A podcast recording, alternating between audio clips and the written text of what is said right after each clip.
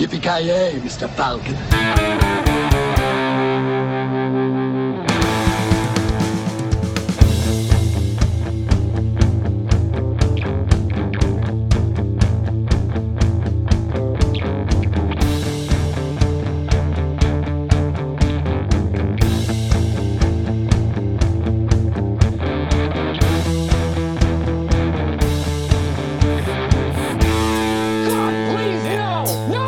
Jajamensan gott folk, hjärtligt välkomna till ännu ett avsnitt av Creative Meltdown Podcast. Ni har med mig Kalle. Joakim Avoya. Fy fan. Och Kent. Ja, det var lite så här, Erotisk. lite lagom så här ASMR-Kent liksom. Erotiskt. Jag är sjukt erotisk, påstå inget annat. Ja, så det, det är bara att kolla in på Jockes sidokanal, ASMR och Jocke liksom. Ja, Barry Manilow. Junior liksom. Jag, jag kör, jag kör eh, nude cam varje lördagkväll. Ja, var det där vi eh, catchade en gång innan vi skulle spela in där eller? Ja. ja, jag skulle just ta min session och så avbröt jag mig. Det är så att folk så sitter och kollar så live och så får de så donera, alltså, donera pengar och så får de säga så här do this, så här, så här, rub your nipple och sådana grejer. Ja, jävla Ja, cam det så, de vill ju höra din ljuva stämma så de säger, ber så här catchphrases som, som du ska säga, så här sjuka saker. Säg, jag säger varken bu eller bä långsamt. Det här var extremt bra film. Uh, Ja, jajamensan. Men, ja, vad har vi det här avsnittet då? Vi ska då göra ett försök till och prata lite om, eh, ja, Stanley igen. Vårt förra avsnitt gick ju åt helvete, så vi ska ta ett nytt försök här. Sen har vi lite veckouppdatering och eh, sen ska vi även prata om eh, Bohemian Rhapsody-filmen också. Men eh, jag tycker vi börjar i eh, Stanley-spåret där, så Mr. Avoya, du är ju ändå en av dem som är mest eh, eh, serietidningsintresserad av oss här i gruppen, får jag ändå ta och säga. Ja, det skulle man väl kunna säga. Nu var det jävligt länge sedan jag läste en Marvel-tidning faktiskt, ska jag vara helt ärlig. Det har blivit mest filmer på, men absolut, det har ju speciellt när man var i Ja, när man var yngre så blev det ju mycket, mycket Spider-Man och så vidare. Älskade ju även eh, den här animerade Spider-Man-serien men det var inte så mycket med Stan att göra. Nej. Men han är, han, han är ju skaparen av Spider-Man i alla fall, det är han ju. Ja, precis. Det är väl förmodligen hans mest populära alster skulle jag vilja säga, Spider-Man. Absolut. Det, jag tänker att Och- eh, de andra som han har är inte så här, Han har ju vissa som är väldigt obskyra. Eh, Ja, jo, han har ju, alltså det finns väl som sagt, eh, det finns väl för varje som populär karaktär han har gjort så finns det väl säkert 500 så utkast som är så här svindåliga eller något sånt. jo, ja, precis. Men det är ändå det- lite det- det som är charmen med honom överlag, att han, han ger inte upp liksom. Han bara, han försöker hela tiden. Det, Och jag säger det, jag kollar på Wikipedia här, de som är mest kända. Alltså när jag ändå gjort de karaktärer som har dragit in mest cash på bioduken får man säga. Spiderman, X-Men, Iron Man, eh, Thor, Thor, Hulken, Fantastic Four kanske inte dragit in busslasten med pengar. Men Black Panther blev supersuccé. Doctor Mhm. Strange vet jag inte. Ant-Man kanske sådär. Daredevil var ju en flopp men tv-serien har ju blivit bra i alla fall. Jag menar du där den filmen med, med Affleck så skriver jag definitivt under på flopp. Fin- Finns det någon annan eller? Ja, det finns ju den här med, eh, vad heter det, eh, Gene Simmons. Ja just det. Fan, det hade varit någonting. Ja. Han spelar Money Man. Det är den filmen. Nu vill jag Kingpin. egentligen att eh, Gene gör en sån fanadoption liksom i slutändan och skriver in sig själv som the money bags liksom. Ja men man får ju säga att eh, som, som eh, ja, jag ska kanske säga att han dog nyligen men det, det vet väl alla om. Jag tror inte vi... när- när- Nej, vi alltså hal halva världen, mer än halva världen känner till att han har dött. Han har ju inte varit så pass ikonisk överlag får man väl ändå ta och säga. Ehm, I stort sett förändrat serietidningskonceptet som vi vet om det till vad det är idag. Det, jag vet inte, han har dragit det till en helt annan nivå. eh, och det, han är en, ja, ska man säga, innovativ människa överlag bara. Är väl det man kan säga grundmässigt i alla fall. Ja, det, det är sjukt att man liksom kan skriva serietidningar som liksom får så stor påverkan på liksom populärkultur och... Mm, mm. Alltså, typ din mormor vet vem Spindelmannen är ungefär. Alltså, det är på Ja, den precis. nivån. Alltså, det är helt galet egentligen. Mm, mm. Och vi sa full transparens här som du sa i början att vi, vi har ju spelat in det här snacket en gång tidigare men en hårddiskkrasch mm. eh, hos eh, Mr. Avoya gör yes. att vi får eh, köra lite replay på snacket här men... Ja, precis.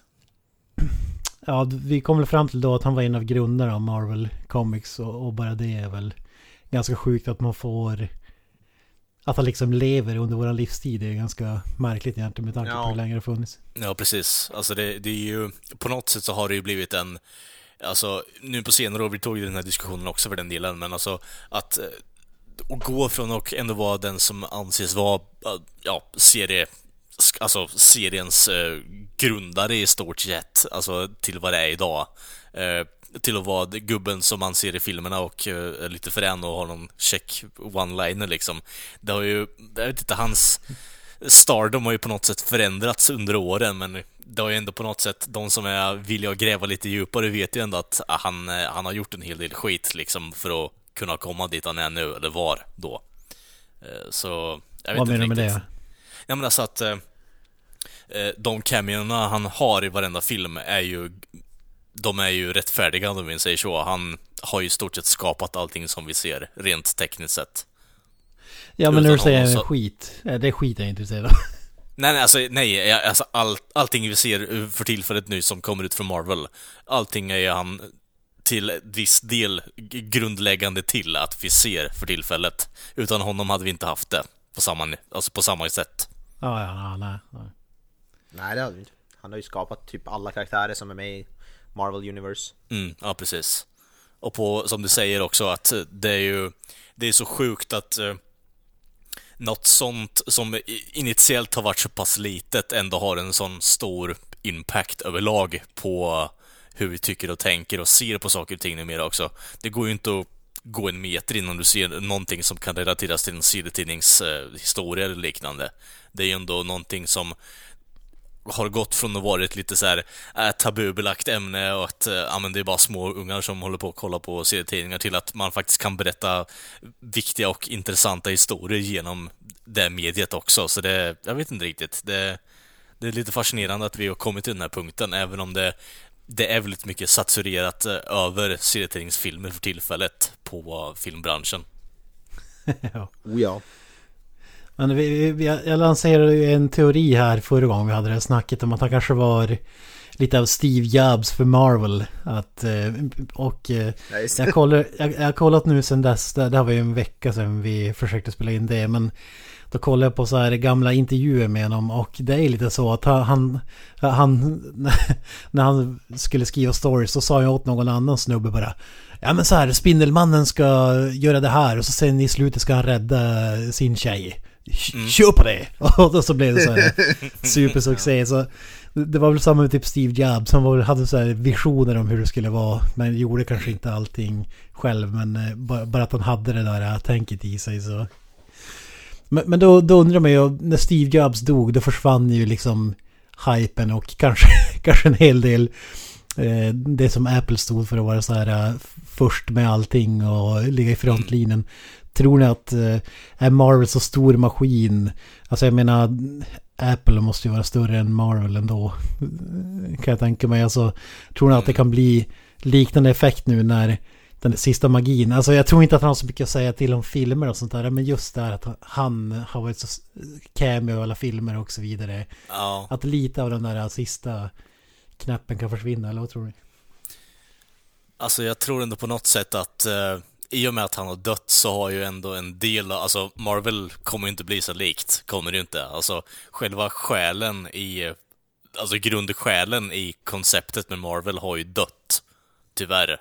Det kommer ju inte på samma sätt bli vad det har varit innan. Det, och det utvecklas ju konstant och har gjort under hans eh, livstid också. Det är ju inte samma produkt som han hade från början, om vi säger så, som han var med och producerade. Han har ju inte, nu vet jag inte hur länge mm. han har varit borta från själva alltså konceptet med att sitta och ha åsikter kring stories på Marvel, men jag tror ändå att han på något sätt har varit en... Lite som att, eh, inte för att dra den kopplingen och dra ner honom på det sättet, men att George Lucas på något sätt var en, eh, vad ska man säga, eh, flaggbärare för Star Wars under en längre tid innan han sålde skiten. Um, Ja men då, då försvann ju magin liksom. Vad man nu, mm. det, han dödade ju liksom magin själv genom att göra prequel-filmer. Jo, jo, det, det, är inte på det sättet som jag menar att Stanley har gjort, utan det är mer på att samma sätt att han har hållit i flaggan, han har haft själen med sig, och sen nu när han är borta så kommer ju jag vet inte riktigt. Ingen av Ja, det blir lite ihåligt kan man väl säga. Ja, precis. Exakt. Det kanske... Det, det vore jävligt kul om det kom fram så här att Stan Lee verkligen var liksom det här geniet som har tagit de sista besluten till filmerna också liksom. Ja, men Iron Man ska göra det här. Ja. 95 barre liksom. Det hade ändå varit fränt om man hade liksom eh, dragit en Steve Jobs och bara dragit alla vid kragen och bara Hörru du, så här ska det vara! Och gör du inte så här, då ska du fan få se på ett och annat din jävla pojkspoling liksom. Jag tror fan att, eh, jag vill ändå få det till att han är en, han är ändå rätt frän gubbjävel i alla fall, eller var. Men, eh, ja, ja. jag... Ja, ja, Cynikern i mig, i mig säger att han hade inte så mycket att göra med att på de senaste ja, 15 åren i alla fall att göra. Eh. Ja, jag, jag, hade, jag är ju den här som har minst koll på serietidningar. Jag har i princip bara sett filmerna. Men mm. eftersom att han, han var ju, var ju, Vi kommer väl in på det här. Men hans cameos och sådär. Han, han har ju liksom gjort sig, byggt sig själv som en slags superhjältekaraktär också i, i media ja. ljuset vad man ska säga med det här Excelsior och hela det där. Och mm. Eh, Eh, jag, jag hade ingen aning vem han var men jag vet ju Jag har ingen aning om Marvels historia eller någonting Men jag vet ändå vem han är för att Han var ju med i Simpsons där som var jävligt kul. Ja, men liksom, det, jag vet inte hur länge sedan det var men det såg mig när jag var liten där äh, ja. Han hånar liksom the comic book guy och Look, he's fitting right now. Stan Lee came back. Never left. Stan Lee never left, Ja ja, han kunde ju driva med sig själv alltså. Ja, gud ja. Och sen ja. även i den här Mall, Mallrats-filmen är jag med också. Som Kevin Smith gjorde för hundra år sedan liksom. Mm. där har en jävligt rolig cameo också. Där liksom eh, karaktären i filmen frågar liksom. Ja men typ Gummimannen var även hans... Eh, eh, kunde den stretcha liksom. Mm. och typ hela den här biten. Så lite så man känner honom. Och så cameosen då givetvis. Men jag, ville hävda att han är den enda personen i världen som kan göra de här cameosen och komma undan med det. Alltså, det är ju inte så att de liksom är diskret eller smälter in i filmen. Utan Nej.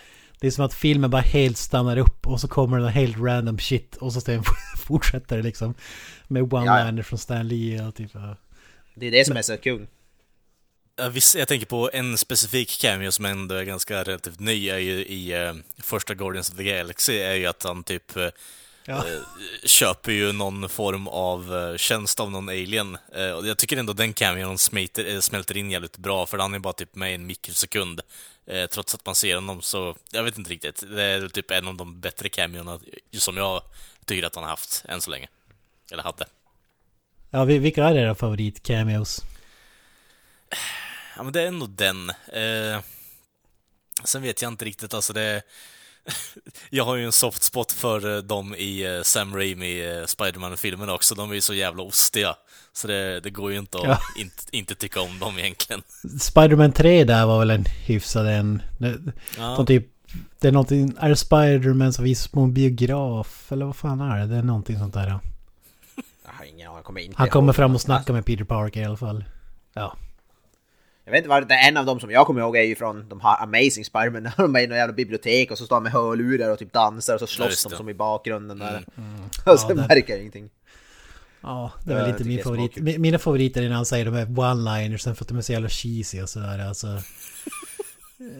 jag, jag tycker om den här i Thor Ragnarok när han var liksom någon slags frisör. Då, då tyckte jag att han passade in så här. Det var typ första cameon som har smält in liksom, tycker jag.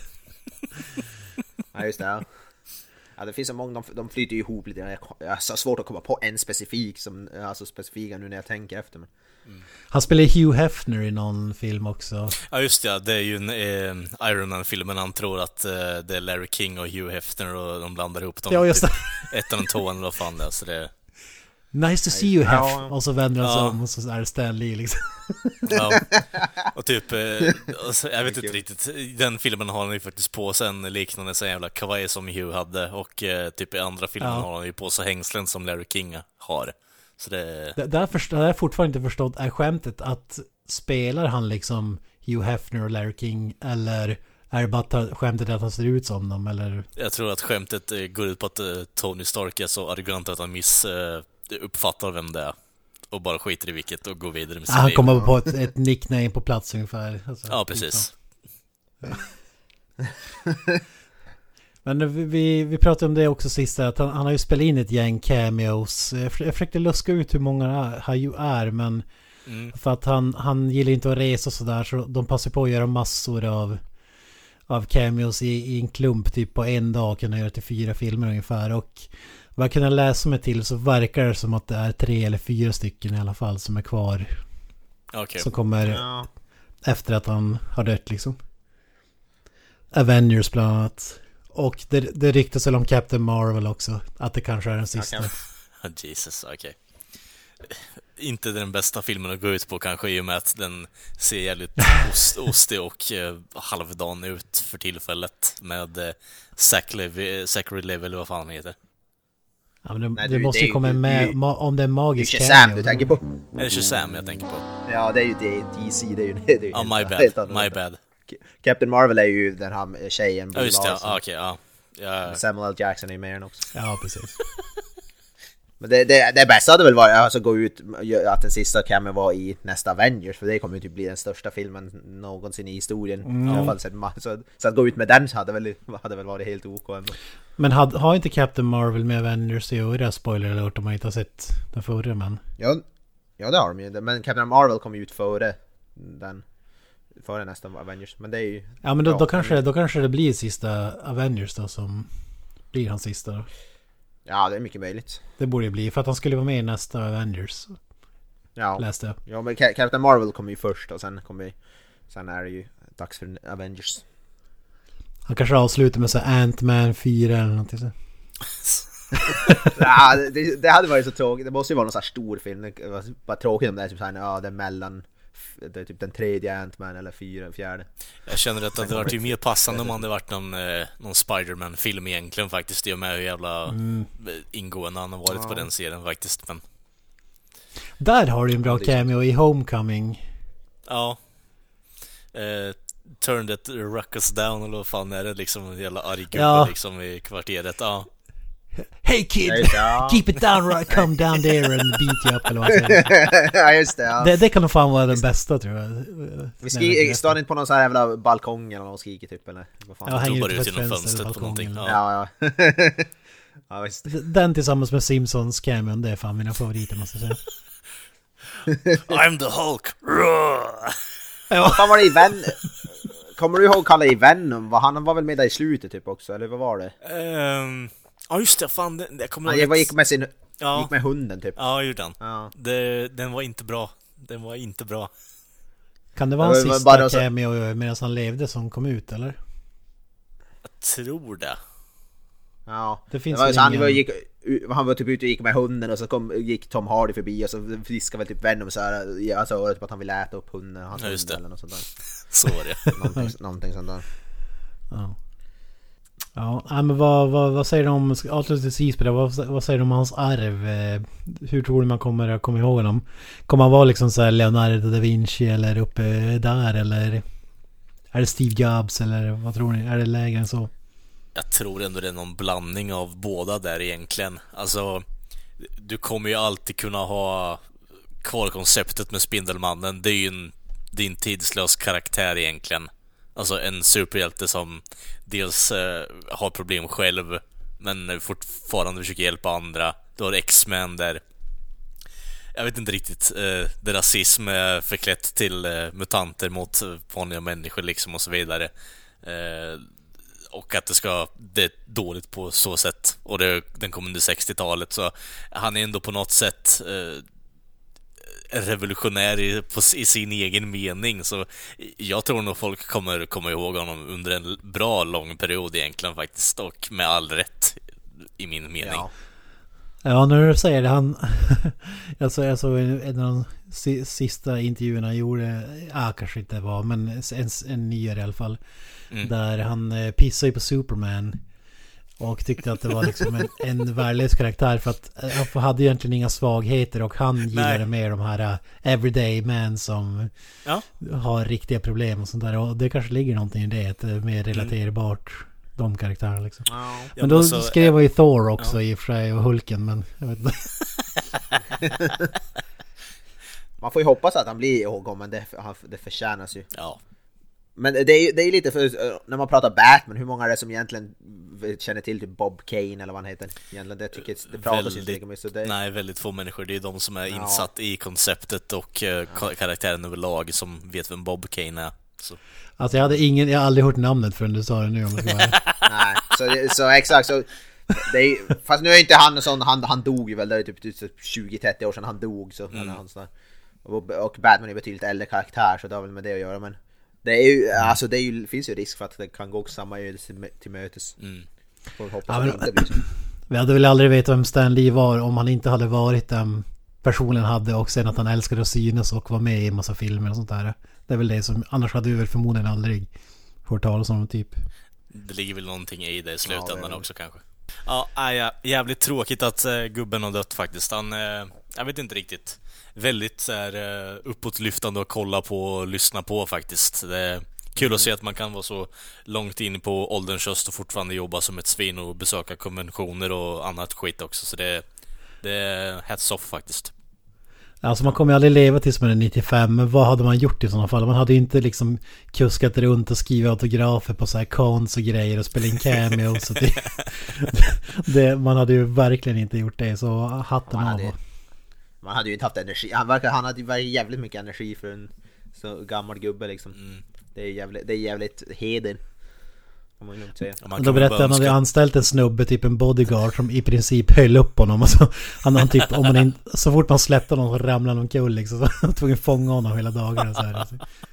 Ja men alltså, det är väl inte typ, om man kan få vara hälften så energisk som han är när man är 95 så blir jag faktiskt jävligt nöjd, om vi säger så.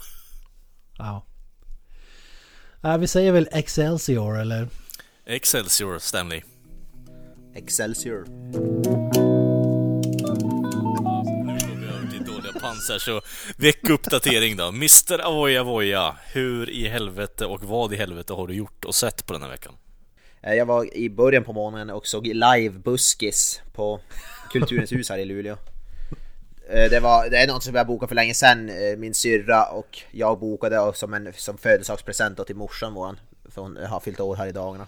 Och då bjöd vi henne på det och då frågade min, äh, eh, min syster om jag ville följa. Och då sa jag ja, varför inte?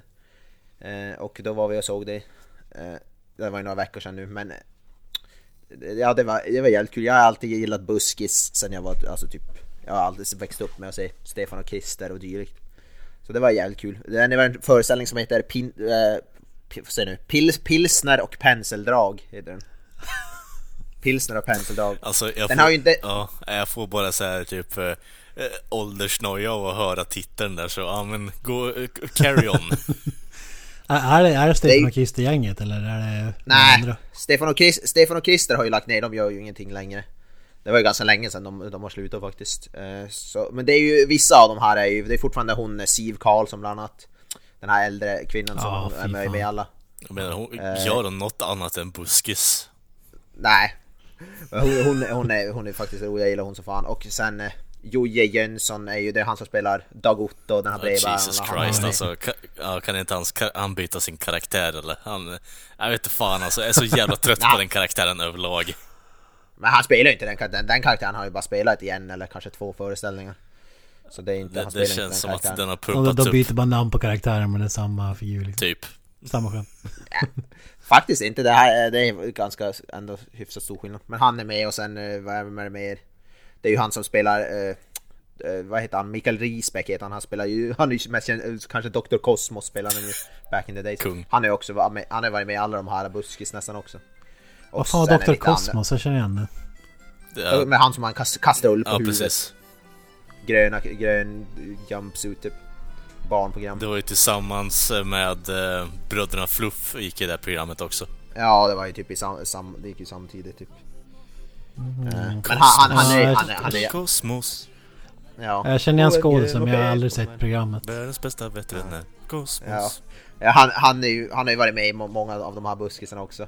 Sen är det även lite andra som inte... Eh, jag vet inte vad hon heter, kvinnan. han- Men hon, om ni har sett typ Bert, den sista oskulden, mors, Ja, som ja. Spelar, hon, hon som spelar morsan. hon var med också i den här föreställningen. Underbart. Som spelar Johan Ulvessons fru.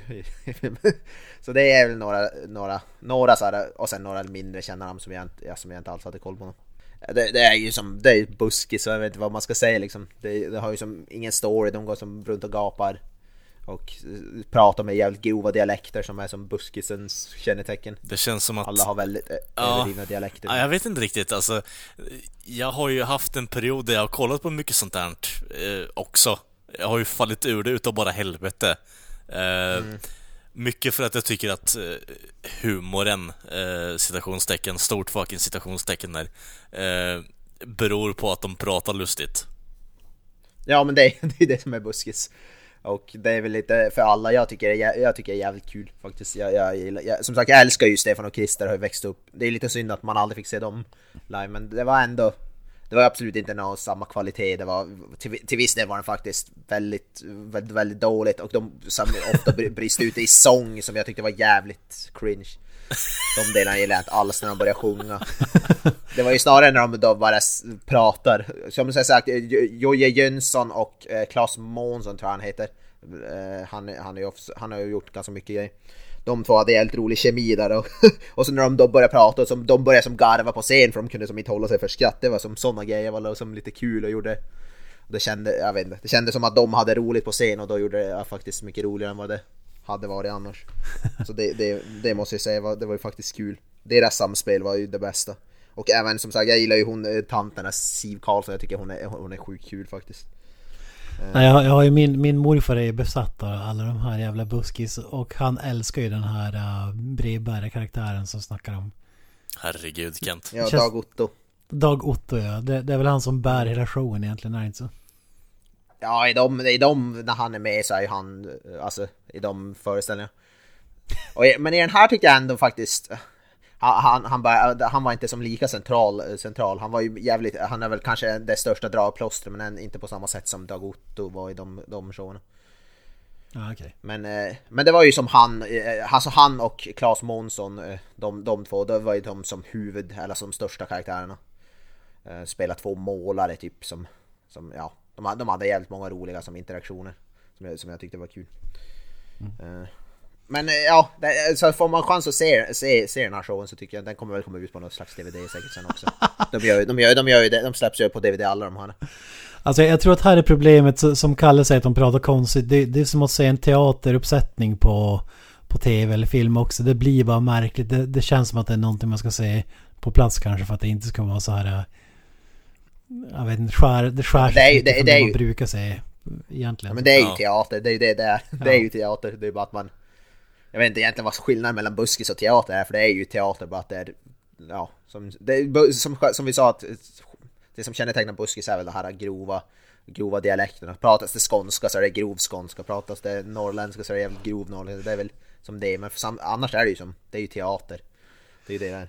Och det är väl mycket så här hu, skrika och smälla i dörrar också som är lite buskis kännetecken. Ja, ja det är det ju. Ja det är det ju. Jävligt mycket sånt. det ser du inte när Micke P kanske gör någon eh, teateruppsättning. Nej. Eh, jag känner att en buskis-uppsättning av eh, Beck gamen. Absolut. Nej, spår i mörker. Regisserad av Kjell Sundvall liksom. Jag tror det kan vara någonting då faktiskt. Uh, Men som sagt, det här nådde aldrig upp till samma kvalitet som när Stefan och Christer gjorde sina bästa grejer på 90-talet och. Det, det, där, det går inte att göra bättre än det när det kommer till buskisen min. Men det, det var helt okej okay och jag skrattade, skrattade gott. Det var en lång föreställning också, den höll ju på i två timmar, så en timme, sen paus och sen en timme till. Helvete. Men, men man är nyfiken på två grejer här. Alltså först, eh, vad var det för typ av publik? Var det bara oldies eller var det blandat? Och två, vad hade de för reactions på föreställningen liksom? Ja, det, det var jävligt mycket gamla det var det, men det var väl, det var, alltså det var ju majoriteten var ju, var ju alltså de övre åldrarna så att säga. Det var det definitivt. Ja. Men det var, nog var det väl ändå alltså, hyfsad blandning. Nu var det en, en del yngre också. Och ja, alla skrattade alltså det var ju Alltså det var ju fullsatt i princip publik och alla skrattade ju, höll ju på att dö, alltså avlida. Vad fan? Det var ingen som liksom lämnade stället alltså. Jag känner nej, att nej, den, alla... den ringa åldern på typ 85 var det som gjorde ett, liksom, ett skratt, eh, ett skratt för långt. Så det, men nej, det var jävligt, alltså det var alltså sjukt mycket skratt och det var jävligt alltså packat. Det var jävligt mycket folk. Så ja. Och det var ju ändå som, det var ju på en så här eftermiddag, så här klockan fyra tror jag föreställningen började eller något sånt där. Så det var, det var ju som tidigt, tidigt på dagen och sånt där. Men eh, som sagt, det var, jag, jag tyckte jag hade kul, jag, jag tyckte det var sjukt kul. Det var, jag, har aldrig, jag, jag har ju som sagt växt upp sett Buskis, jag har aldrig, har alltid, aldrig sett Buskis live förut men Mm. det var kul att få göra det. I alla fall en gång. Jag menar... Synd bara att man inte André- fick se Kristna, Ja. Stefan och Ja, Krister ursäkta, ursäkta att jag avbryter, men det, Nej, jag tror mer på att eh, egentligen, eh, som du säger där, det är väl någon grej som ska ses live, även om det kanske inte är just my cup of tea anymore, om vi säger så. Eh, jag har ju bara sett de här jävla buskisföreställningarna på TV. Precis som väldigt många andra människor skulle jag vilja säga, men eh, du har ju sett båda.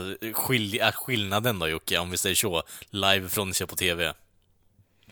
Alltså jag vet inte, jag tycker, jag, jag gillar om man ser dem. Alltså jag satt och såg på youtube här, några gamla Stefan och Krister föreställningar Jag skrattar så inåt helvete. Jag tycker det är hur kul som helst. Så, så jag vet inte, jag tycker det är sjukt kul. Men det beror väl på kvaliteten också.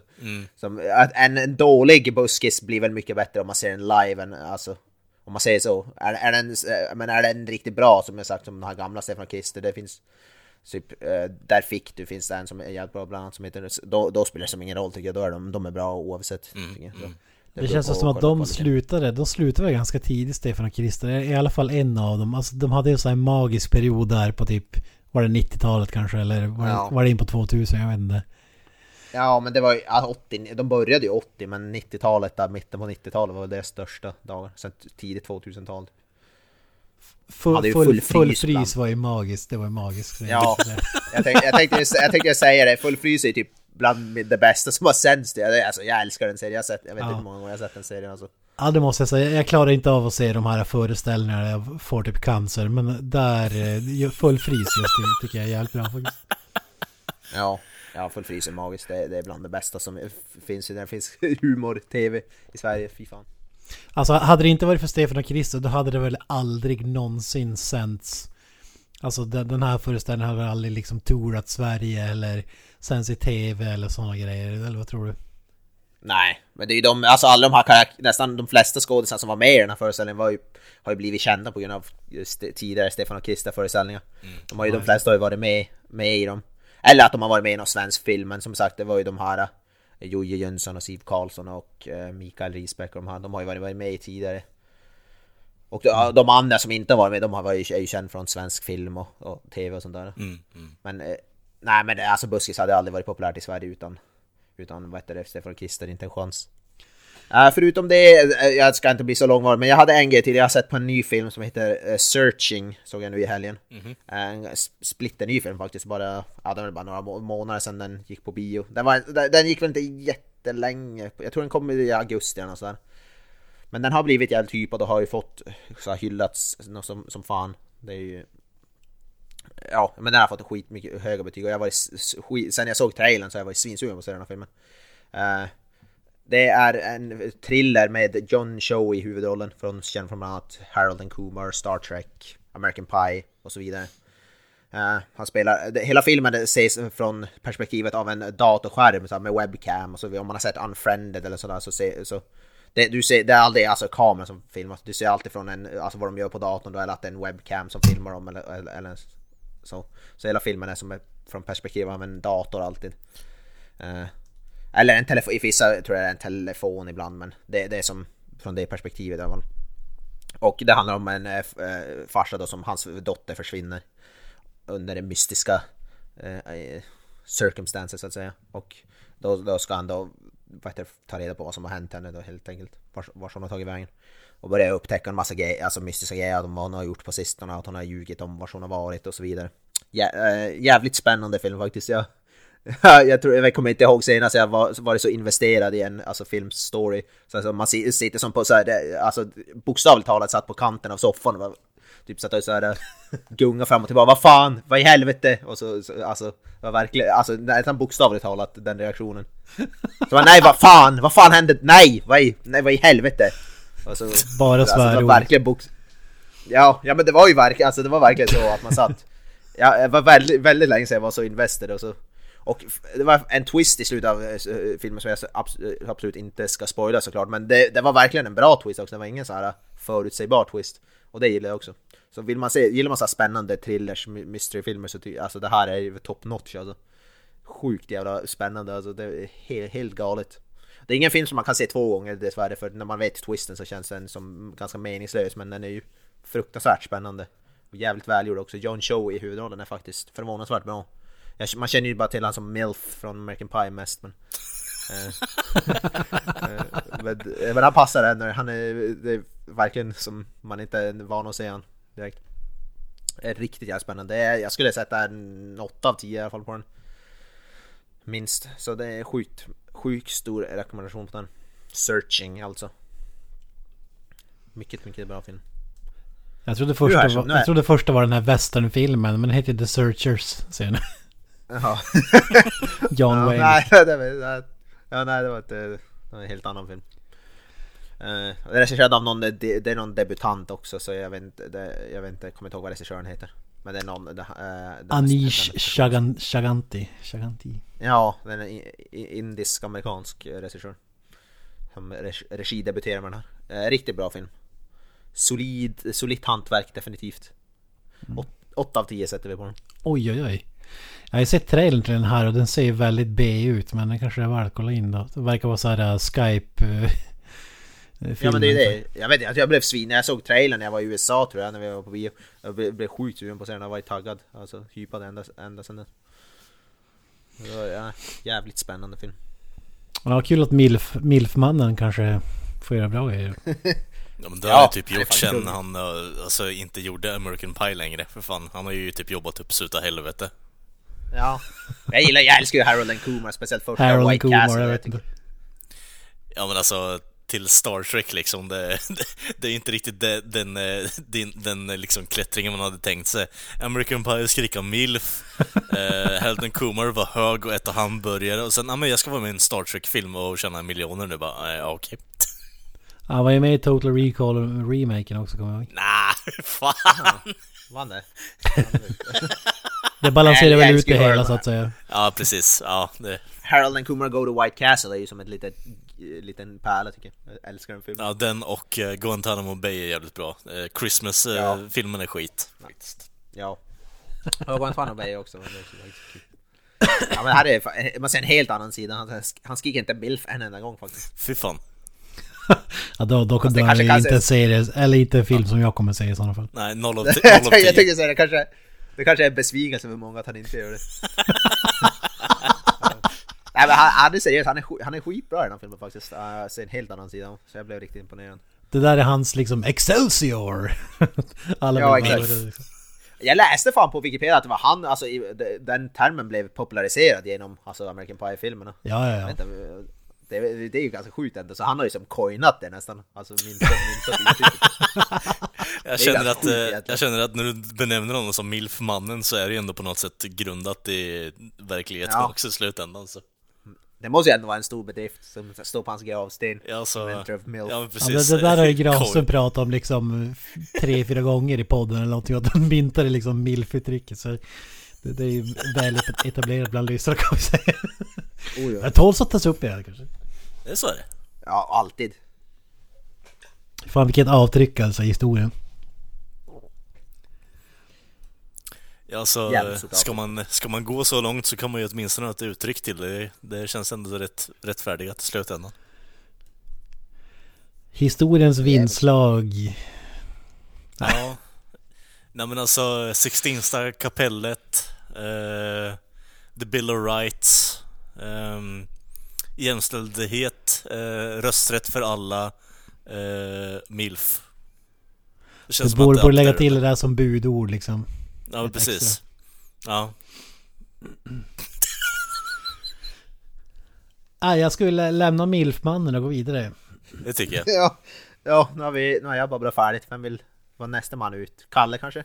Jag har inte gjort någonting så Kent kan ta det. Ja. ja. Vad, vad deprimerad du lät. vad fan gör jag, vad fan gör jag med mitt liv?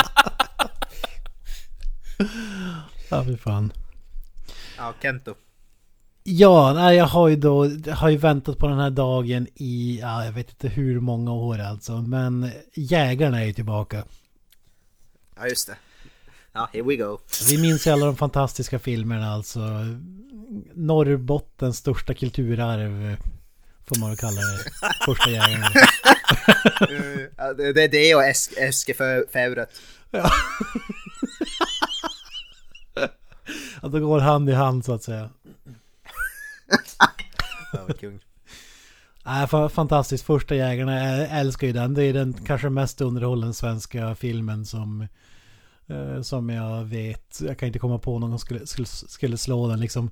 Stereotyp bild av norrlänningar som är så helt eh, underbar. En, eh, det blir liksom en sån där uh, The Room-grej liksom. Att den är så överdriven och eh, eh, har ju kanske inte kvaliteten så men den blir ju fantastisk. Alltså just för att den är så jäkla cheesy och moverslack och hela den där biten liksom. Re replikerna, varenda jävel kunde ju rabbla repliker, replikerna när man gick liksom Ja, när kom den ut? Man var ju sjukt liten när den kom ut. Alltså, det var ju det häftigaste. Så det är mycket nostalgi också, det, det ska man ju säga. Vad, vad säger du Avoya? Du, du har ju också levt i norrländska skogarna så att säga. Alltså jag har ju som sagt, jag har ju aldrig sett, jag har ju aldrig sett Jägarna, måste jag ju erkänna. Det har vi pratat om tidigare, men jag har inte sett första, varken första eller andra Jag tror det Kent så- säger i det här fallet Jocke är att du har levt Jägarna, inte sett det. Ja, ja, ja det har jag ju. Based on a det true är ju- story. De är, baser, de är baserade på, min, på mitt liv, Mm. det, det kan vi lugnt säga. Jä, jägarna blandat med lite liksom. Taxi Driver. Ja. ja men, eh, ja.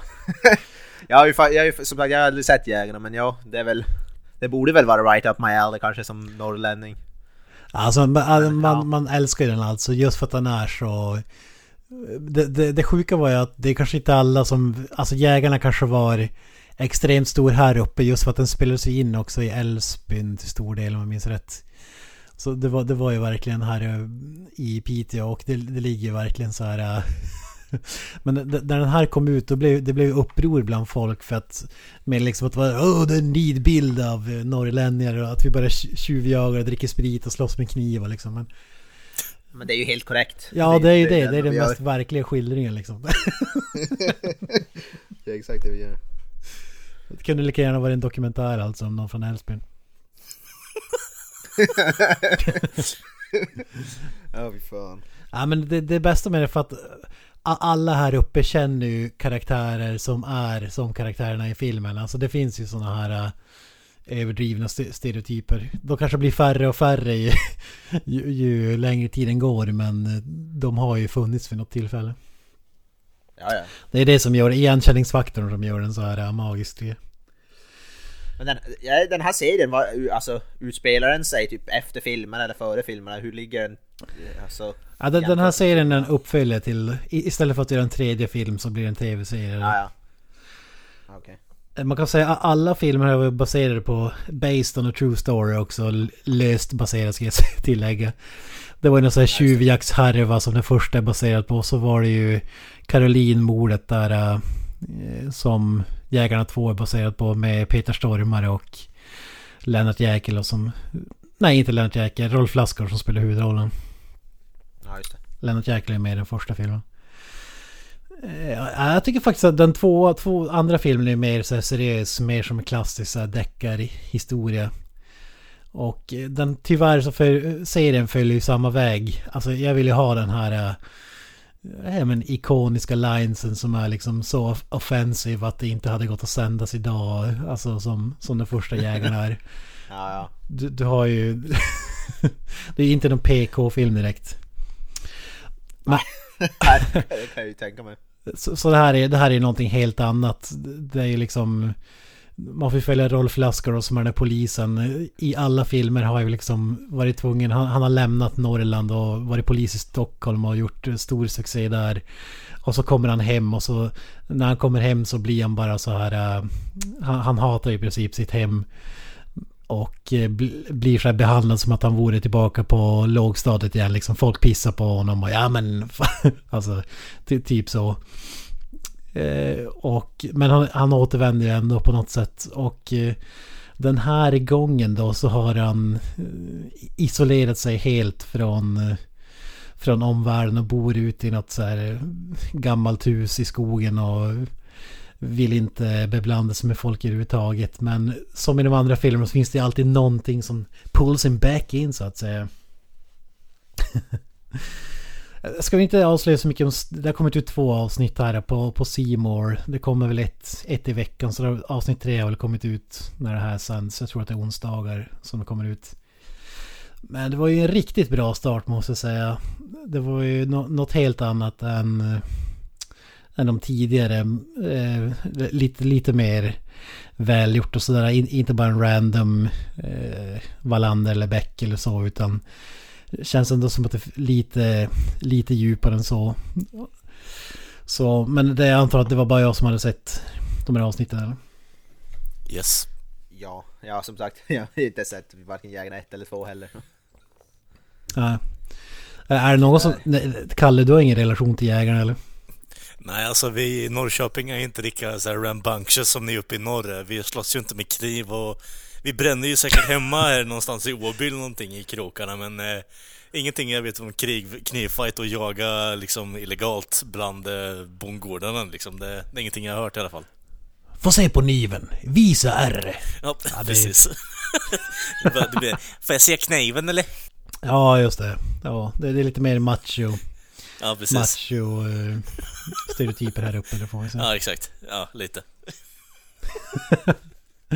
ja, men om man inte sett den första Jägarna kan jag inte rekommendera den nog alltså. Det är lite som en sån här... Uh, det var väl ett försök att göra ett svensk Reindeer Games men det blev någonting sånt här 90-tals action skimmer över den som kanske inte Stallone och Schwarzenegger klass men li lite åt det hållet liksom i den är ju inte grundad i, i logik eller verklighet om man säger utan den ja, kör ju nej, fulla blås. Du har ju spinnat ett klipp på oss alla i podden. Eh, och långt innan vi började spela in podden också för du är ju så jävla frälst i den här filmen.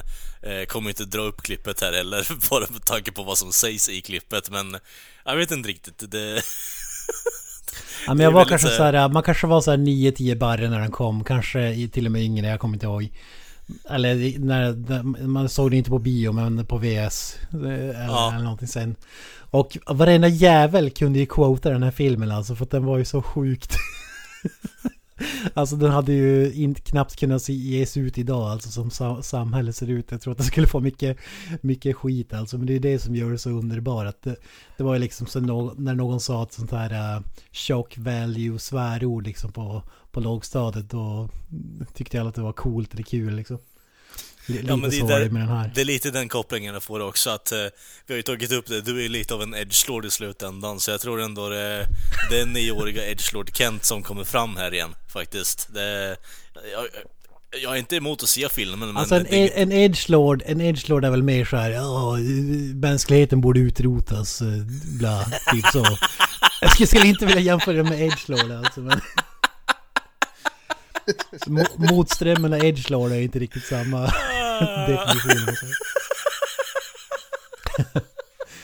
Nej men jag, jag, jag dras ju till det som inte är liksom eh, strömlinjeformat eller eh, grupptryck och sådana där grejer. Utan det, så jag vet inte vad, vad man ska kalla det.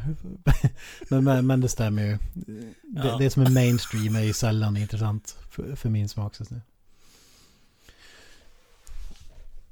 Eh, ja men där, tillbaka, kanske kanske prata lite om serien också innan jag stänger ut kritiken. Men... ja men det, det handlar ju om gruvor den här gången och eh, det är ju på tapeten här ofta liksom där några som har hittat några fyndigheter och vill ju inte att eh, Eh, men det, det finns några så här, eh, det, det, är en debatt här uppe, kanske inte så stort i resten av Sverige, men att liksom förstör naturen och företag från liksom USA kommer hit och borrar upp eh, alla marker och skogar och lämnar bara sen liksom stora så här borrar i backen. Det ser, det ser liksom ut som så här World War 2 när man rör sig istället för att det är så orörd skog. Så det är många så här lokalinvånare som är upprörda. Och här då så är det ju, om de fortsätter, de hittar de här fyndigheterna malm eller jag kommer inte ihåg vad det var, men vi säger att det är malm eller guld eller vad fan det var. Och, eh, men det visar sig att det finns en risk att man förstår i grundvattnet så att grundvattnet skulle bli för, eh, förgiftat för lokalbefolkningen. Men givetvis så de har ju satsat alldeles för mycket pengar för att eh, eh, för att någon, någon sån liten detalj ska liksom grusa deras planer så Eh, och så har det det klassiska där då, en i teamet som vill berätta sanningen och eh, ja, hela den biten. Så, så är väl det som är grundstoryn och sen utvecklar sig. Så, så, lite större tema än tidigare där liksom bara har varit ett mord. Eh, eller tjuvjakt typ. Ja, men för, för, att vara en svensk serie så, så, tycker jag att det är riktigt bra. Jag tycker att det var... Jag såg, när jag såg trailern var jag lite skeptisk men... Jag tycker att det var en riktigt, riktigt bra start. Det, det är väl svårt att sätta betyg eller någonting men... Jag är definitivt eh, toktaggad på nästa avsnitt. Hur ofta, är det så här släpps det en gång i veckan? De här avsnitten eller hur? Hur är det med den här? Ja, ja som sagt varje onsdag tror jag att det var. Jag tror att det var, om det var sex eller åtta okay. delar. Så det är inte så här äh, jättelångt heller. Timmes långa avsnitt liksom. Det känns, känns som ett klockrent format. Det hinner inte bli utdraget och sådär. Och äh, ja, man får liksom tid att lära känna karaktärer och hela den här biten. Ja, just det. Eh, ser du att det finns någon eh, uppenbar eskalering av serien vart den kommer alltså, hamna i slutändan då eller? Ja, alltså den är ju den är inte nyskapad på sånt. Alltså man kan ju gissa hur det kommer att gå redan nu. Det är ju ingen så här storyn är ju inte revolutionary. Mm. Man, man, har sett det, man har sett det förr men det är ändå så pass bra gjort att det funkar tycker jag. Och Rolf Lassgård... Typ. ja, kanske. Nej, men eh, Rolf Lassgård är ju ruskigt bra. Han är ju en av de bästa skådespelarna i Sverige tycker jag. Men det är bara Rolf Lassgård från alltså, filmerna då, eller är det någon annan som är med också? Uh, ah, in, inte än tror jag. Det tror jag inte. Lennart Jäkel är väl med i filmerna bland annat? Ja, men spoiler alert. Han tar sig inte längre än Jägaren 1. Så... Jaha. Jaha, okej. Okay. Eh, jag, tror, jag tror inte att det är någon kvar. Den här, den här filmen har ju... Eh, Lassgårds karaktär har ju någon slags... Om det är brorson tror jag. Som...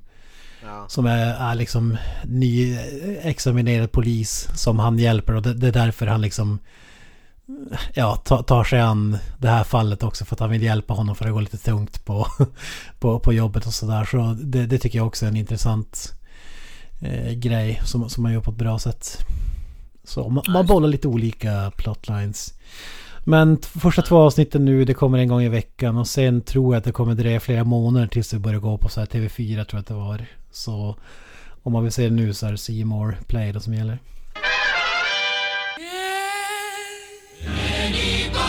Everyone is a star, Freddy. What are you afraid of?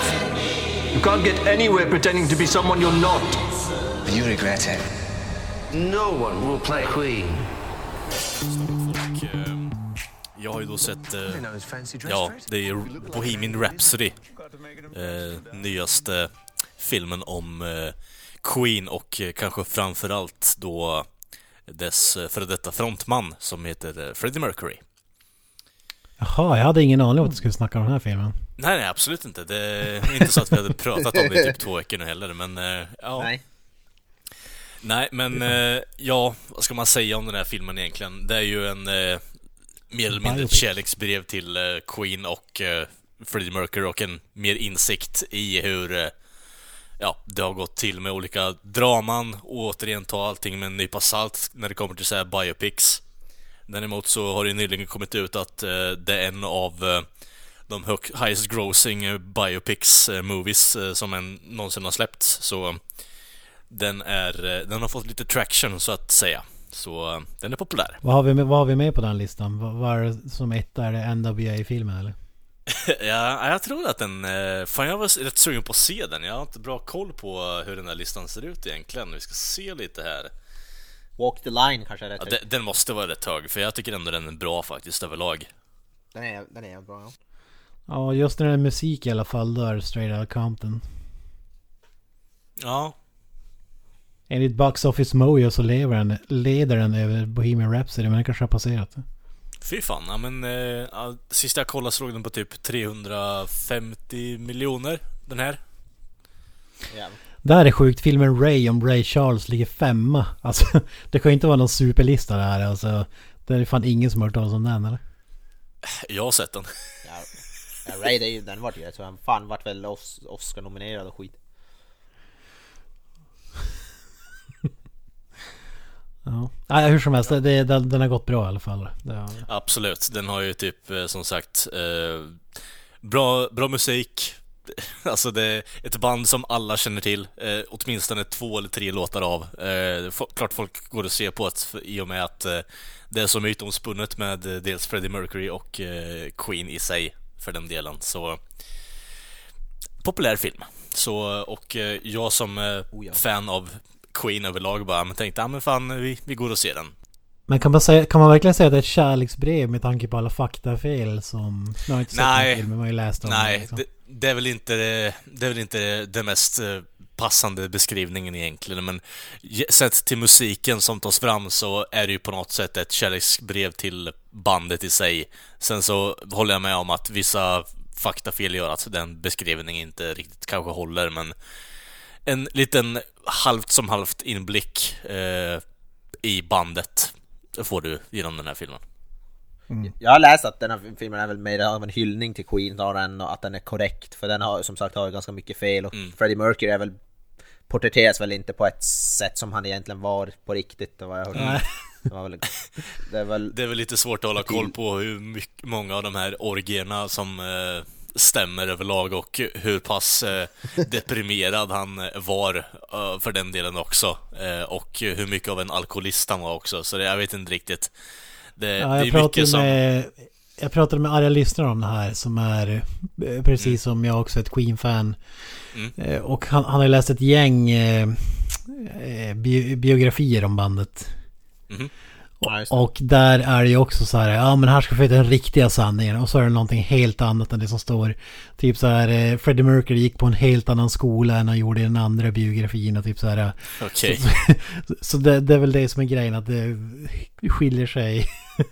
rejält. Man vet väl inte 100% sanningen, det är väl bara han själv som, som vet det. Men det var ju, han framställdes ju här i den filmen förstod som så här vad ska man säga, flamboyant typ så här eh, hade x antal eh, partners och så vidare. Medan sen i själva verket var tillsammans med samma person i x antal år liksom.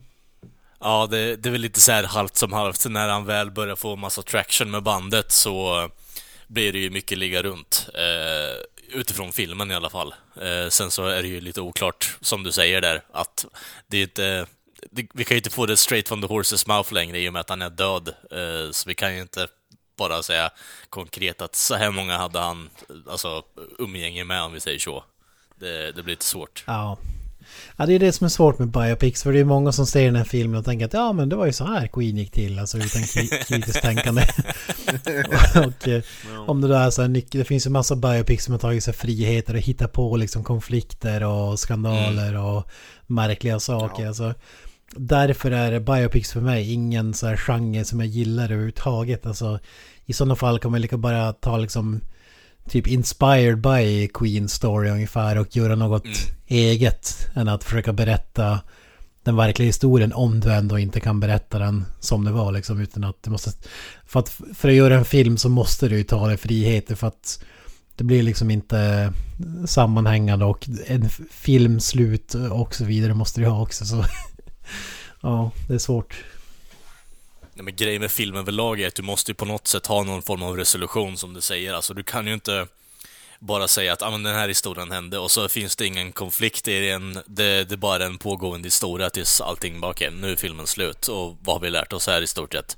Utan det, grejen med den här filmen är att på något sätt så bygger du upp bandet Queen, sen tar du isär det och sen i slutändan så sätter du ihop det igen. Eh, till eh, Band-Aid-spelningen. Mm. Och det är väl det som är konflikten med hela bandet och det är mycket centrerat kring hans sjukdom där eh, och det porträtteras ju i och med att man låter honom vara väldigt promiskuös med människor runt omkring sig på turnéer överlag. Ja. ja men det, det, är väl just där de har tagit sig friheter också. Sjukdomen, när han får den, när folk får reda på att han mm. är sjuk och liksom inget av det stämmer liksom och Ja, det är svårt att prata utan att spoila det. Det ska vi inte göra heller om det är någon som vill säga det liksom. Utan att, att vi har spoilat det liksom. Men det, det är just sådana nyckelgrejer som stör mig. Sen mm. om han om man hittar på någon sån här mellangrejer, typ någon partner eller någonting som... Det, det är ju som skitsamma, men just sådana grejer stör mig alltså. Jag kan tycka att eh, i det här fallet så måste ändå Biopics i sin del egentligen också bara kunna gå all out och bara försöka göra en underhållande film om du förstår vad jag tänker och bara skita i att based on a true story liksom. Det, det, är ingen som bryr sig, man vill ju bara bli underhållen. Sen så kan jag förstå ja, att precis. visst, det är ingen idé att hålla på och pissa på folk och eh, deras arv. För alltså lägger du ut en sån här film och eh, faktiskt hävdar att based on a true story, då kommer ju folk tänka bara ah, men fan, det här är 100% sant liksom. Istället för att det är baserat på en sann händelse. Eh, så återigen, folk tänker, tänker inte längre än vad näsan räcker. Men hade man bara gått ut och sagt att eh, this is fictional work, bara det, det, tänk inte överhuvudtaget, utan bara kom dit och var underhållen. Och då hade man ju kunnat haft med dels lite mer underhållande historier, alltså bygga upp de här myterna kring att eh, eh, åter en grej, jag tog upp det senast vi snackade om det och tappade men eh, att eh, just den här myten kring att eh, på sista inspelningen av eh, sista låten eh, som är, eh, vad ska man säga, eh, The show must go on, eh, så kommer han in dit, är sjukt jävla aids-sjuk och Brian May bara, alltså orkar du, klarar, klarar du av det här nu eller? Han, alltså, enligt myten så ser han typ halvt död ut. Tar en ja, vodkaflaska, häver skiten och bara säger nu kör vi liksom. Och uh, nailar skiten i låten. Så li lite mer sånt hade jag tyckt att hade gjort filmen i sin del, alltså lite mer eh, rättvis, att man hade kunnat göra lite mer... Crazy. Ja men precis, gått lite mer fullt ut och bara leka med konceptet. Eh, eller myten kring, myterna kring Queen hade varit lite intressant. Men det, ja, det där känns ju å andra sidan som en riktig myt, men jag förstår vad du menar liksom. Ja. Men det där, jag vet inte fan om det, för det går in på Wikipedia så är det samma sak och han har väl bekräftat i intervjuer, vad heter han? Brian, vad heter han? Brian May. Brian May. Han som, Brian May ja. Han har ju väl bekräftat det så jag vet inte om det är, men jag tror väl det är sant. En, en sak som jag var förvånad över som jag förstått inte var med, det var ju som vi har ju pratat om, om det här tidigare då, men det här att de liksom byggde egna gitarrer och grejer och att gitarrerna fick ett unikt sound. Alltså det känns ju som en riktig så här filmgrej, men det kanske inte är något som drar in cash, men så för de som är liksom gillar Queen och så det, det var intressant. Musik. Men grejen med, grejen med det är ju att det är ju inte direkt kopplat till Queen, utan det är ju mer kopplat till att Brian May och hans farsa på något sätt ville bonda och hitta på någon grej och det var ju med Smile, om jag har förstått det helt rätt, så gjorde de ju det innan. Alltså första bandet där som de porträtterar i mm. början på filmen, som eh, Freddie Mercury tar över sångpositionen på. Eh, och sen som John Deacon tar över basistdelen på också. Ja, i och för sig, det här kanske är mer en film om Freddie Mercury än Queen då. Är, är ja. ja, exakt. Ja. Det här, det här pratade vi också om i det havererade avsnittet så att säga, det här om att uh, Sacha Baron Cohens uh, Queen-film som aldrig blev av, den hade ju blivit lite mer crazy enligt han själv. Mm. Ja, han ville göra en rated R-film, men ja, det vill inte studion. Den hade ju, alltså, alltså, ja, precis. Det, hade, alltså det är ju väldigt tragiskt för den, jag tror den hade kunnat bli jävligt bra. Ja, och den hade varit mycket mer intressant än den här. Ja. Mm. Och det har vi också pratat om, rent utseendemässigt så är Sacha Baron Cohen mycket mer lik ja. Murker än Rami, Rami Malek. Ja, jag, jag satt och tänkte på det här för alltså... Det är han Herregud. ja fan, den, den hade jag sett. Rocco den mänskliga kameleonten kan jag rekommendera. Sjukt lik Freddie Mercury alltså. Han går runt ja, utklädd alltså, som, han går runt utklädd som Freddie Mercury och bara sjunger så här till random folk på stan, typ någon butler och grejer. Man, man tror väl nästan att det är Freddie Mercury. Alltså. Ja, det är uncanny alltså. Det, jag trodde fan det var Freddie Mercury. oh, Radio Gaga är det han kör. Han går runt med att släppa på en mix och där är med stativ liksom i London eller fan. Ja, det är underbart. Ja, ja Micke du var kung. Men eh, ja. jag vet inte riktigt, någonting jag tänkte med Rami Malek är ju att det är någonting som inte riktigt stämmer. Jag vet inte. Det är som Hans att man har klistrat på... Mig, liksom. Vad sa du? Hans ögon skrämmer mig. ja, han är ju verkligen crazy. Han, skulle, han passar ju perfekt att spela en sån här psykopat. Ja. Han har ju psykopatögon. Jag tänker mig att han hade varit perfekt som eh, Elijah Woods eh, karaktär i Sin City där. Han hade passat jävligt bra där i, som roll Ja. som Kevin där. Ja, det, ja det, det är fan, det har du fan poäng alltså. Eh, Men på, eh, på tal om eh, tillbaka till ämnet här. Alltså jag tycker ändå att på något sätt så visst, han har mustaschen, han har alltså, the buck teeth, han har frisyren, men alltså det, det är någonting som inte känns rätt och jag vet inte riktigt om det är för att han är för tanig eller vad det är. Jag har suttit och jämfört bilder på, på de två. Det, det är någonting som inte riktigt stämmer. Alltså hakan och bara... Jag vet inte riktigt. Det, det känns helt fel. Alltså nu ska man säga att en biopic, man kan ju som inte räkna med att skådespelarna ska se ut. Men Nej, nej, det är ju gud, det är att föredra. Men det, är ju väldigt få som ser ut exakt som, som pers- personer man... Det, det är väl Mm. mer för gör så här hur de rör sig och så. Men alltså inte ens i de här photoshoppade promobilderna tycker jag att han är det minsta lik Freddie Mercury. Det, det är som du säger, det är någonting som... Det, det känns som en, så här, någon som har klätt ut, klätt ut sig till Freddie Mercury på Halloween ungefär. Alltså, Mm. men, eh, alltså om man säger Freddie Mercury var ju grymt speciell alltså. När man, när man hör honom prata i intervjuer så tror man inte ens att det är samma person som, som sjunger. Alltså det är helt sanslöst hur stor Ja. han typ, i- kanske inte retarded men alltså inte långt ifrån. Och, som du säger mustaschen, han hade den av en anledning alltså för att dölja, dölja hans eh, tänder. Alltså Jesus Christ. Ja, jag vet inte riktigt. Alltså, det är så på något sätt att... Eh, nu har jag inte sett så jävla mycket intervjuer med honom just, men alltså... Ja, då, då, måste du kolla in det för att det är, det är helt otroligt alltså. Det, Det är på en retarded nivå i stort sett då och då. Ja men alltså när han pratar, man tror, alltså man tror inte att det är samma människa som pratar alltså som sjunger de här låtarna. Så här fantastiskt. Jaha, okej. Okej. Så, och så här helt... Eh, ja men du vet så typisk brittisk och så sen tänderna ut, sitter han läspa liksom eller vad man säger alltså. Ja. Ja, nej, jag vet inte Ja, riktigt. det, alltså det... det, är, det är väldigt märkligt alltså. Det är det som är coolt också med honom, att, att det, man märker inte av det på scenen liksom. Nej, jag tycker ändå på något sätt att i, till en början av filmen, när han väl har de där riktiga jävla backteefen liksom, så är det ju ändå på något sätt på något sätt att det blir väldigt tydligt att det finns en dualitet mellan, som du säger, att han pratar väldigt såhär bara Oh, fan, du kan väl inte sjunga och sen så hör man rösten och så bara oh shit, this is fucking serious liksom. Men jag vet inte riktigt. Det, jag tycker att ju längre filmen går så blir det mer och mer påtagligt att det är något samma, eller att i det här fallet så lypsynkar han ju också, vilket, ja, man kan ju inte be någon flytta berg, för ingen kan sjunga som Freddie Mercury. Det är väldigt få som kan. Så jag vet inte riktigt. Det är som att man sätter ribban på tok för högt i och med att man går in och ser på just en film om Freddie Mercury så förväntar man sig att folk ska sjunga, men jag vet inte riktigt. Det, det är svårt att säga på något sätt att för jag tror ändå att man le, man, jag vet inte hur fan man ska förklara det på, på rätt sätt heller. Alltså, Alltså han har ju så grymt eh, extraordinär röst. Alltså det finns ju inte ens de här personerna försökt efterlikna honom. Adam Lambert och de här som liksom gjort en karriär på att mm, låta som hoppa in i Queen liksom har ju lyckats. eh, Alltså det, det, det, det går inte att kräva av någon för att det finns liksom ingen som har den där mäktiga rösten som han hade liksom. Och just därför tycker jag att det är lite orättvist mot Freddie i slutändan också och faktiskt göra en biopic när man inte kan nå upp till det. Eh, För, för han har en sån pass personlighet som man inte kan avspegla på rätt sätt heller skulle jag vilja säga egentligen.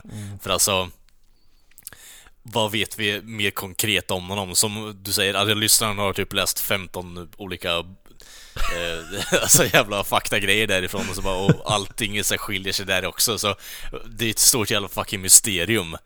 Och visst, jag känner ju mer att varför inte låta filmen vara ett mysterium i sig också till viss del. Det är ju, jag vet inte riktigt. Det, det känns som att Ja, man men det- tappar... När, när du säger att filmen liksom handlar om Freddie Mercury så är det jävligt konstigt med tanke att alla andra medlemmar lever.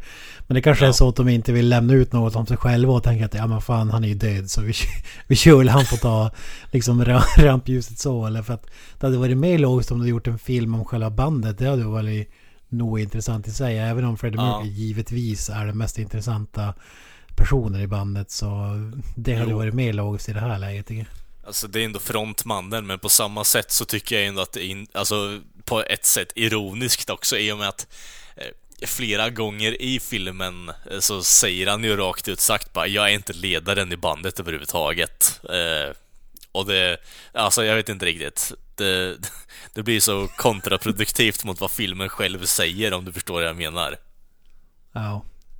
Alltså, Ja, det känns ju som så här ännu en pungspark på de andra medlemmarna som ingen bryr sig om liksom för att han dog liksom, vad var det, 91 Freddie Mercury och, och eh, Mm.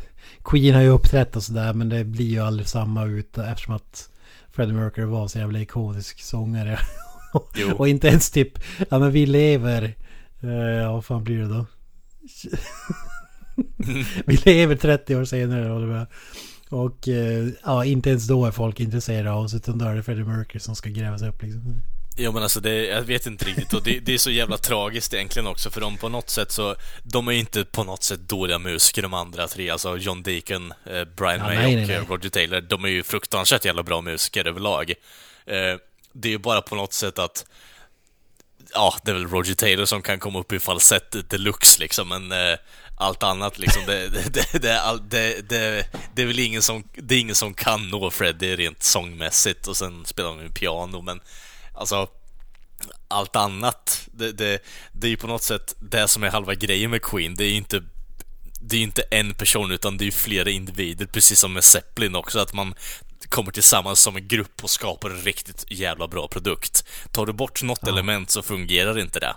Och det, att man inte tar den eh, routen i sig tycker jag är rätt konstigt om en ja, film om Queen i slutändan som det ska vara. Speciellt när filmen själv även påpekar att, ja men, jag är inte ledaren av bandet. Eh, alltså, jag vet inte riktigt. Eh, filmen drar sig själv i flera olika riktningar, så jag vet inte riktigt vad fan jag ska säga.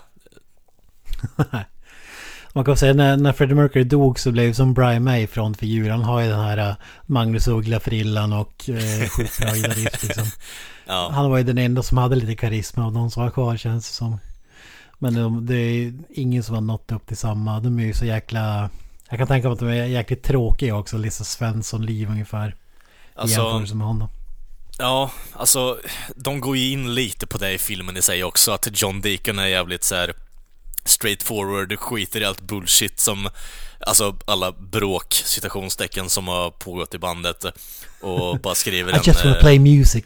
Ja, precis. Eh, och eh, det är mer så här, jag vet inte riktigt, Roger Taylor är ju på, på ett sätt väldigt framåt med idéer i den här filmen, i alla fall.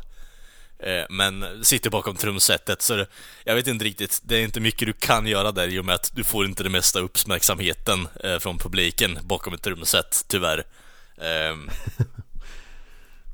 Jag vet inte riktigt. Brian May är ju skön i den här filmen och är väl helt klart den som har blivit castad på bästa sätt i den här filmen skulle jag vilja säga. Men eh, jag, jag vet inte riktigt. Det, det är en mishmash-film eh, som hade kunnat göra så jävla mycket bättre i slutändan skulle jag vilja säga. Musiken är det som räddar det. Men... Eh, ja, jag vet inte riktigt. Det, Ja, vi, vi pratade om det, vi pratade om det för, förra gången också. Alltså, jag ställde frågan liksom hur... Om det inte hade varit... Jag gav som exempel när trailern till den filmen kom. Då såg innehållet så jäkligt blaha ut. Men just när man hör den jävla musiken som är så jäkla mäktig alltså så... Mm. Som Queen-fan som jag är också. Inte så här die hard men... Jag har ju vu- vuxit upp med det och så vidare. Alltså det, det är något spe- speciellt med den musiken för mig i alla fall. Alltså det lyfter ju allting. Om, om typ Queens, om man hade plockat bort... Om Queen inte hade haft de här ikoniska låtarna, hur bra hade filmen varit då liksom? Om vi säger att Queen hade varit Limp Bizkit till exempel. Alltså, filmen på ett sätt hade ju varit jävligt intressant i och med att det hade ju varit Fred Durst som hade haft alla de här homosexuella orgiesarna liksom, så jag vet inte riktigt. Kung. Men... Eh, ja, alltså... Det hade ju inte varit... Det hade inte varit en bra film, hade jag tyckt. Det, I och med att man... Det är inte fokus på, eh, på en och samma grej, utan det, det är fokus på så jävla mycket. Man... eh, Jag vet inte riktigt. är, är nästa scen bara en ursäkt till att spela en ny Greatest Hits-låt? Eller är det som att musiken är naturlig del av filmen liksom? Ärligt talat alltså, jag, jag skulle säga att det är som en... Okej, okay, nu har vi den här historien bakom den här låten. Eh, och så, ja, Bohemian Rhapsody. Och nu har vi eh, den här första turnén, ja, uh, Terry Your Mother Down och så vidare liksom. Uh, Nästa scen är klipper när Freddie Mercury på en cykel. I want to ride my bicycle. Jag tror fan inte den var med överhuvudtaget faktiskt. Det, det var väl lite förvånande. Lite väl on the nose kanske. Ja, lite kanske. Hur, hur, stor del är alltså skapandet av själva låten Bohemian Rhapsody? Är en stor del av filmen? Alltså det, det, det, är väl typ den låten som får en sån pass eh, stor scen dedikerad till sig. Det börjar ju med att eh, Alltså det är ju pågående, alltså att i början av filmen så har han ju det där intro-riffet på pianot Och eh, på något sätt ja, det, ackumulerar det i Eh, Eh, fjärde albumet, eh, Annette at the Opera liksom. Eh, och då tar han upp eh, själva konceptet med låten, spelar in alla grundgrejer själv, tar in det till studion och säger Hej grabbar, jag har, en, jag har det här konceptet. Och så går han ju vidare och spinner vidare på det och säljer in till radio. De får ju bli nekade av Mike Myers som inte vill att den här sex minuters långa låten ska spelas på radio. För att ja, det, det, är inte radiomaterial att ha så långa låtar eh, och så vidare och så vidare. Så det är den låten som får mest airtime eh, i filmen om vi säger så. Ja, jag trodde att liksom den hette Bohemian Rhapsody för att just för att det var sådana blandningar av kaos och allt möjligt och så sen ändå blir det fantastiskt i slutändan. Det, det är inte det som titeln syftar på utan det är liksom bokstavligt talat att låten kommer till när de tillgör låten liksom det är väl på något sätt där de vill komma fram till i och med den här underbara spelningen på Live Aid. Men eh, jag tycker inte att de... Eh, jag tycker inte de, att alla scener kommer till sin rätt på den meningen egentligen. Jag tycker att det är... Eh, det hade varit bättre om man hade fokuserat på en specifik del i eh, Queen-historien, eller om man bara hade fokuserat på Queen i sig som band. Um, nu blir det så här, okej okay, nu har vi kul åt att uh, Roger Taylor har skrivit en låt som heter, alltså, jag bara I'm in love with my car eller vad fan den heter. Det är kul segment men jag vet inte riktigt, alltså det, det är ju mer så här, det, det är ju bra by, alltså bandbyggning överlag, att man får en koncept över hur de är som människor. Eh, eller att man kommer in i bandet på ett sätt, att man blir inbjuden att okej, okay, det är deras typ av humor, då går vi vidare liksom. Och sen gör man ingenting med det i slutändan utan Okej, okay, nu är de osams för att Freddy är på något sätt out of control och dricker för mycket, deprimerad, citationstecken återigen, och så vidare och så vidare och så vidare. så det, jag vet inte riktigt. Den, den vill väl filmen, men jag tror inte att den eh, har rätt fokus. Det känns som att det är väldigt många som har varit med och pillat i manus på den här filmen. Ja. Alltså den har ju ändå 8,4 på IMDB. Det är ju riktigt bra måste man ju säga. Den har väl inte fått av kritiker har den inte blivit fått så bra betyg men de, publiken verkar ju gilla den. Mm, ja men jag kan väl, eh, jag kan väl ställa mig i, i det där hörnet med alla andra cyniker då på, på ett sätt. Men eh, jag vet inte riktigt. Musiken är ju återigen det, det är just därför kanske att publiken som går dit och ser filmen kanske skiter i handling och sådär. Man ja. Det är bara musiken som gör filmen så jävla bra. Alltså, att det är lite mm. så, det är lite som en Transformers-film fast en biopic om det förstår Jo, jo, alltså jag kan ändå respektera det också i och med att det är Queen. Um, men alltså i slutändan så går jag dit för att se på film för att faktiskt få någon form av story. Eh, jag är inte där för att lyssna på musik. Vill jag lyssna på musik kan jag lyssna på musik hemma. Alltså på Spotify, då, då går något annat. Då se hologram Queen-konsert liksom. Nej, gud, gud nej, då hade det, ja, jag vet inte riktigt. Det, det, Queen plus Adam Lambert. det ska bli kul att se om de får ett jäkla uppsving efter det här. Det, det borde ju bli logisk eh, effekt, eller? Om den ja. är supersuccé. Ja. Det måste det bli. Alltså, de är ju, jag vet inte riktigt. Brian May är typ 70 bast, eller vad fan han är. Plus i alla fall.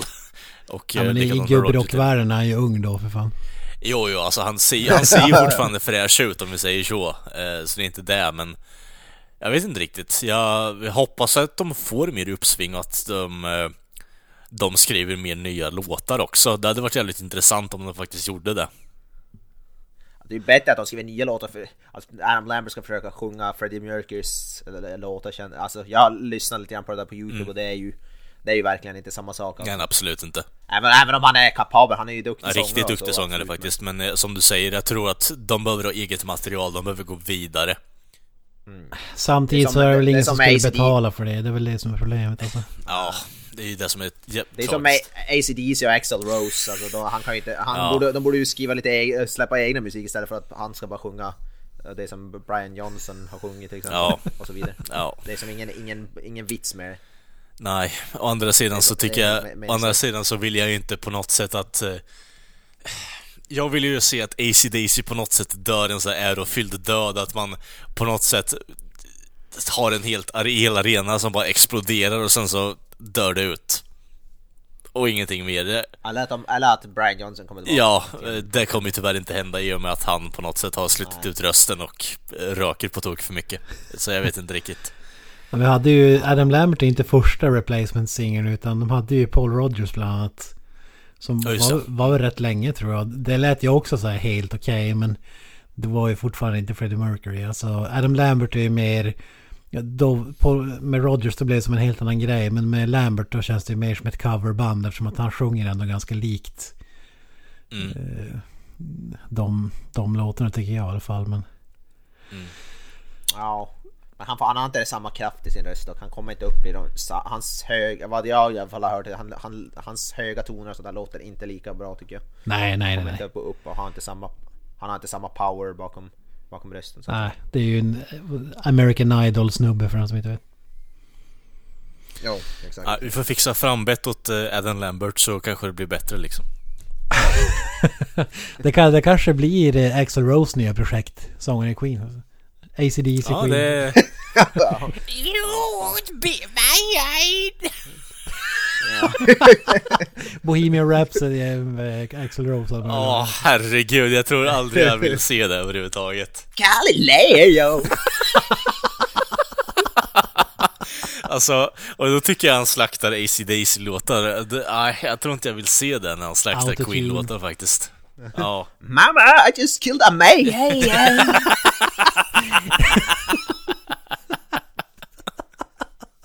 ja, you could be mine uh, uh, grejen oh.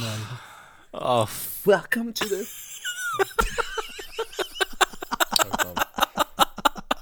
Jag tycker jag kan, Axel Rose kan hålla sig till Guns N' Roses, jag tycker han passar perfekt där. Ja, det är nästan så att det är hans, hans band liksom. Det...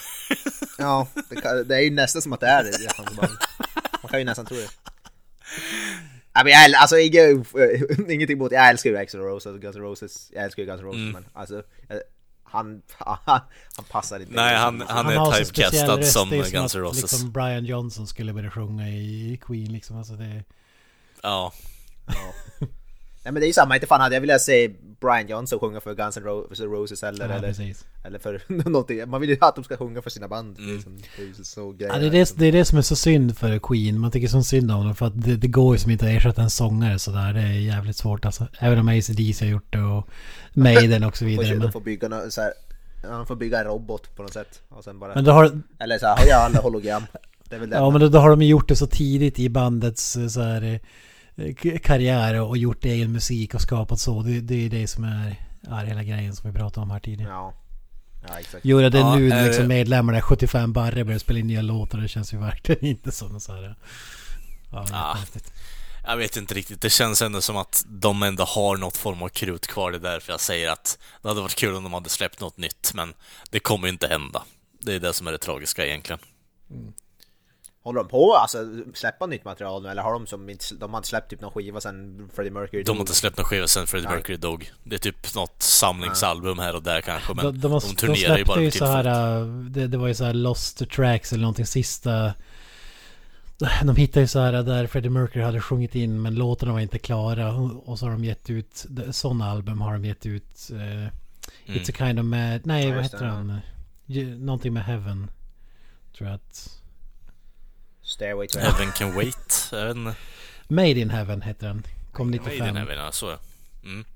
Det, det fin, finns faktiskt eh, bra Heaven for Everyone som var typ så här singellåten då. Tycker jag är riktigt bra faktiskt. Men om jag minns rätt så var det väl så här Lost Tapes som de vad heter det, mixade om och sådär. Gjorde dem kompletta. Ja. Men det är väl enda skivan som har släppts eh, efter. Ja, just det. Mm. Nej, men eh, för att dra upp säcken på den här filmen då. Jag, jag tycker att den, eh, den har potential, men jag hade nog hellre velat se Sacha Baron Cohens version faktiskt. För jag tror att den hade varit dels mer coherent och faktiskt roligare i slutändan. Um, man hoppas att den kommer. Det är inte omöjligt eftersom att den blev sån succé liksom. Att det kommer en rehash eller reimagining eller reboot eller vad man ska kalla det. Ja, rated R. Ja. Det är svårt att göra liksom Bohemian Rhapsody 2. jo. Tarantino regisserar. Uwe Boll. Uwe Boll, ja. Oh, ja, för fan. De har gjort om uh, Freddie Mercury i en sån här Playstation 2-grafik. Den grejen är att de gör om, uh, de har gjort en, en uh, ett spel om Bohemian Rhapsody och då hoppar Uwe Boll på och gör spelversionen av filmen liksom. First person. Ja. uh, Bohemian Rhapsody, the movie, the game. Ja, the movie. ja. Ja, nej, men som sagt, alltså... Ska vi sätta ett betyg på den här bety- och gå vidare eller? Ja, ja, men det här betyget blir ju en, det blir en 6,5 blir det, i och med att musiken är så pass ikonisk så den, den lyfter upp, men annars är det en väldigt blasé film, så jag hade egentligen velat sätta en 5,0, men musiken tar faktiskt Oj. upp den till en 6,5. Det är faktiskt... De gör bra grejer med musiken, de sätter in det i bra kontext, men de hade kunnat göra filmen mycket, mycket, mycket, mycket, mycket, mycket bättre, faktiskt, i min mening. Mm. Vad är det svagaste med filmen, skulle du säga? Bara kort. Det är just ofokuset på vad man vill alltså, göra överlag. Ena stunden så är det massa tjafs om bandet, liksom vilken låt det ska spelas in och så vidare. Och eh, andra så är det AIDS, eh, alltså pre premonitions och ja. andra stunden så är det drama med, eh, alltså hon eh, Mary som man supposedly var, eh, ja, supposedly och supposedly, som man eh, var förlovad med och så vidare. Och, och jag vet inte riktigt. Det, det är mycket. Det är mycket det. Ja, det är en utmaning att koka ner ens liv i två timmar liksom. Jo, absolut. Men eh, jag vet inte riktigt om man hade kunnat göra det bättre än en serie kanske. Om man hade kunnat få koka upp eh, typ fem år på, på, på ett avsnitt på en timme eller två kanske. Så, mm. Och köra typ fem avsnitt. Ah, ja. Men Queen vi drar den här... Eh, ja, exakt. Dra Freddie Mercury i säcken. Nej, vi drar den här eh, bromsmedicinen i säcken tycker jag. Ni har då lyssnat på ännu ett avsnitt av Creative Melda Podcast. Ni hittar oss på sociala medier som Facebook, Twitter och Instagram samt YouTube. Vi finns även på Spotify för er on the go. Och eh, ja, vi har ju även vår egen hemsida som heter creativemeltdownpod.wordpress.com. Lägger upp lite checka recensioner och annat fränt material där. Men, avslutande ord här boys.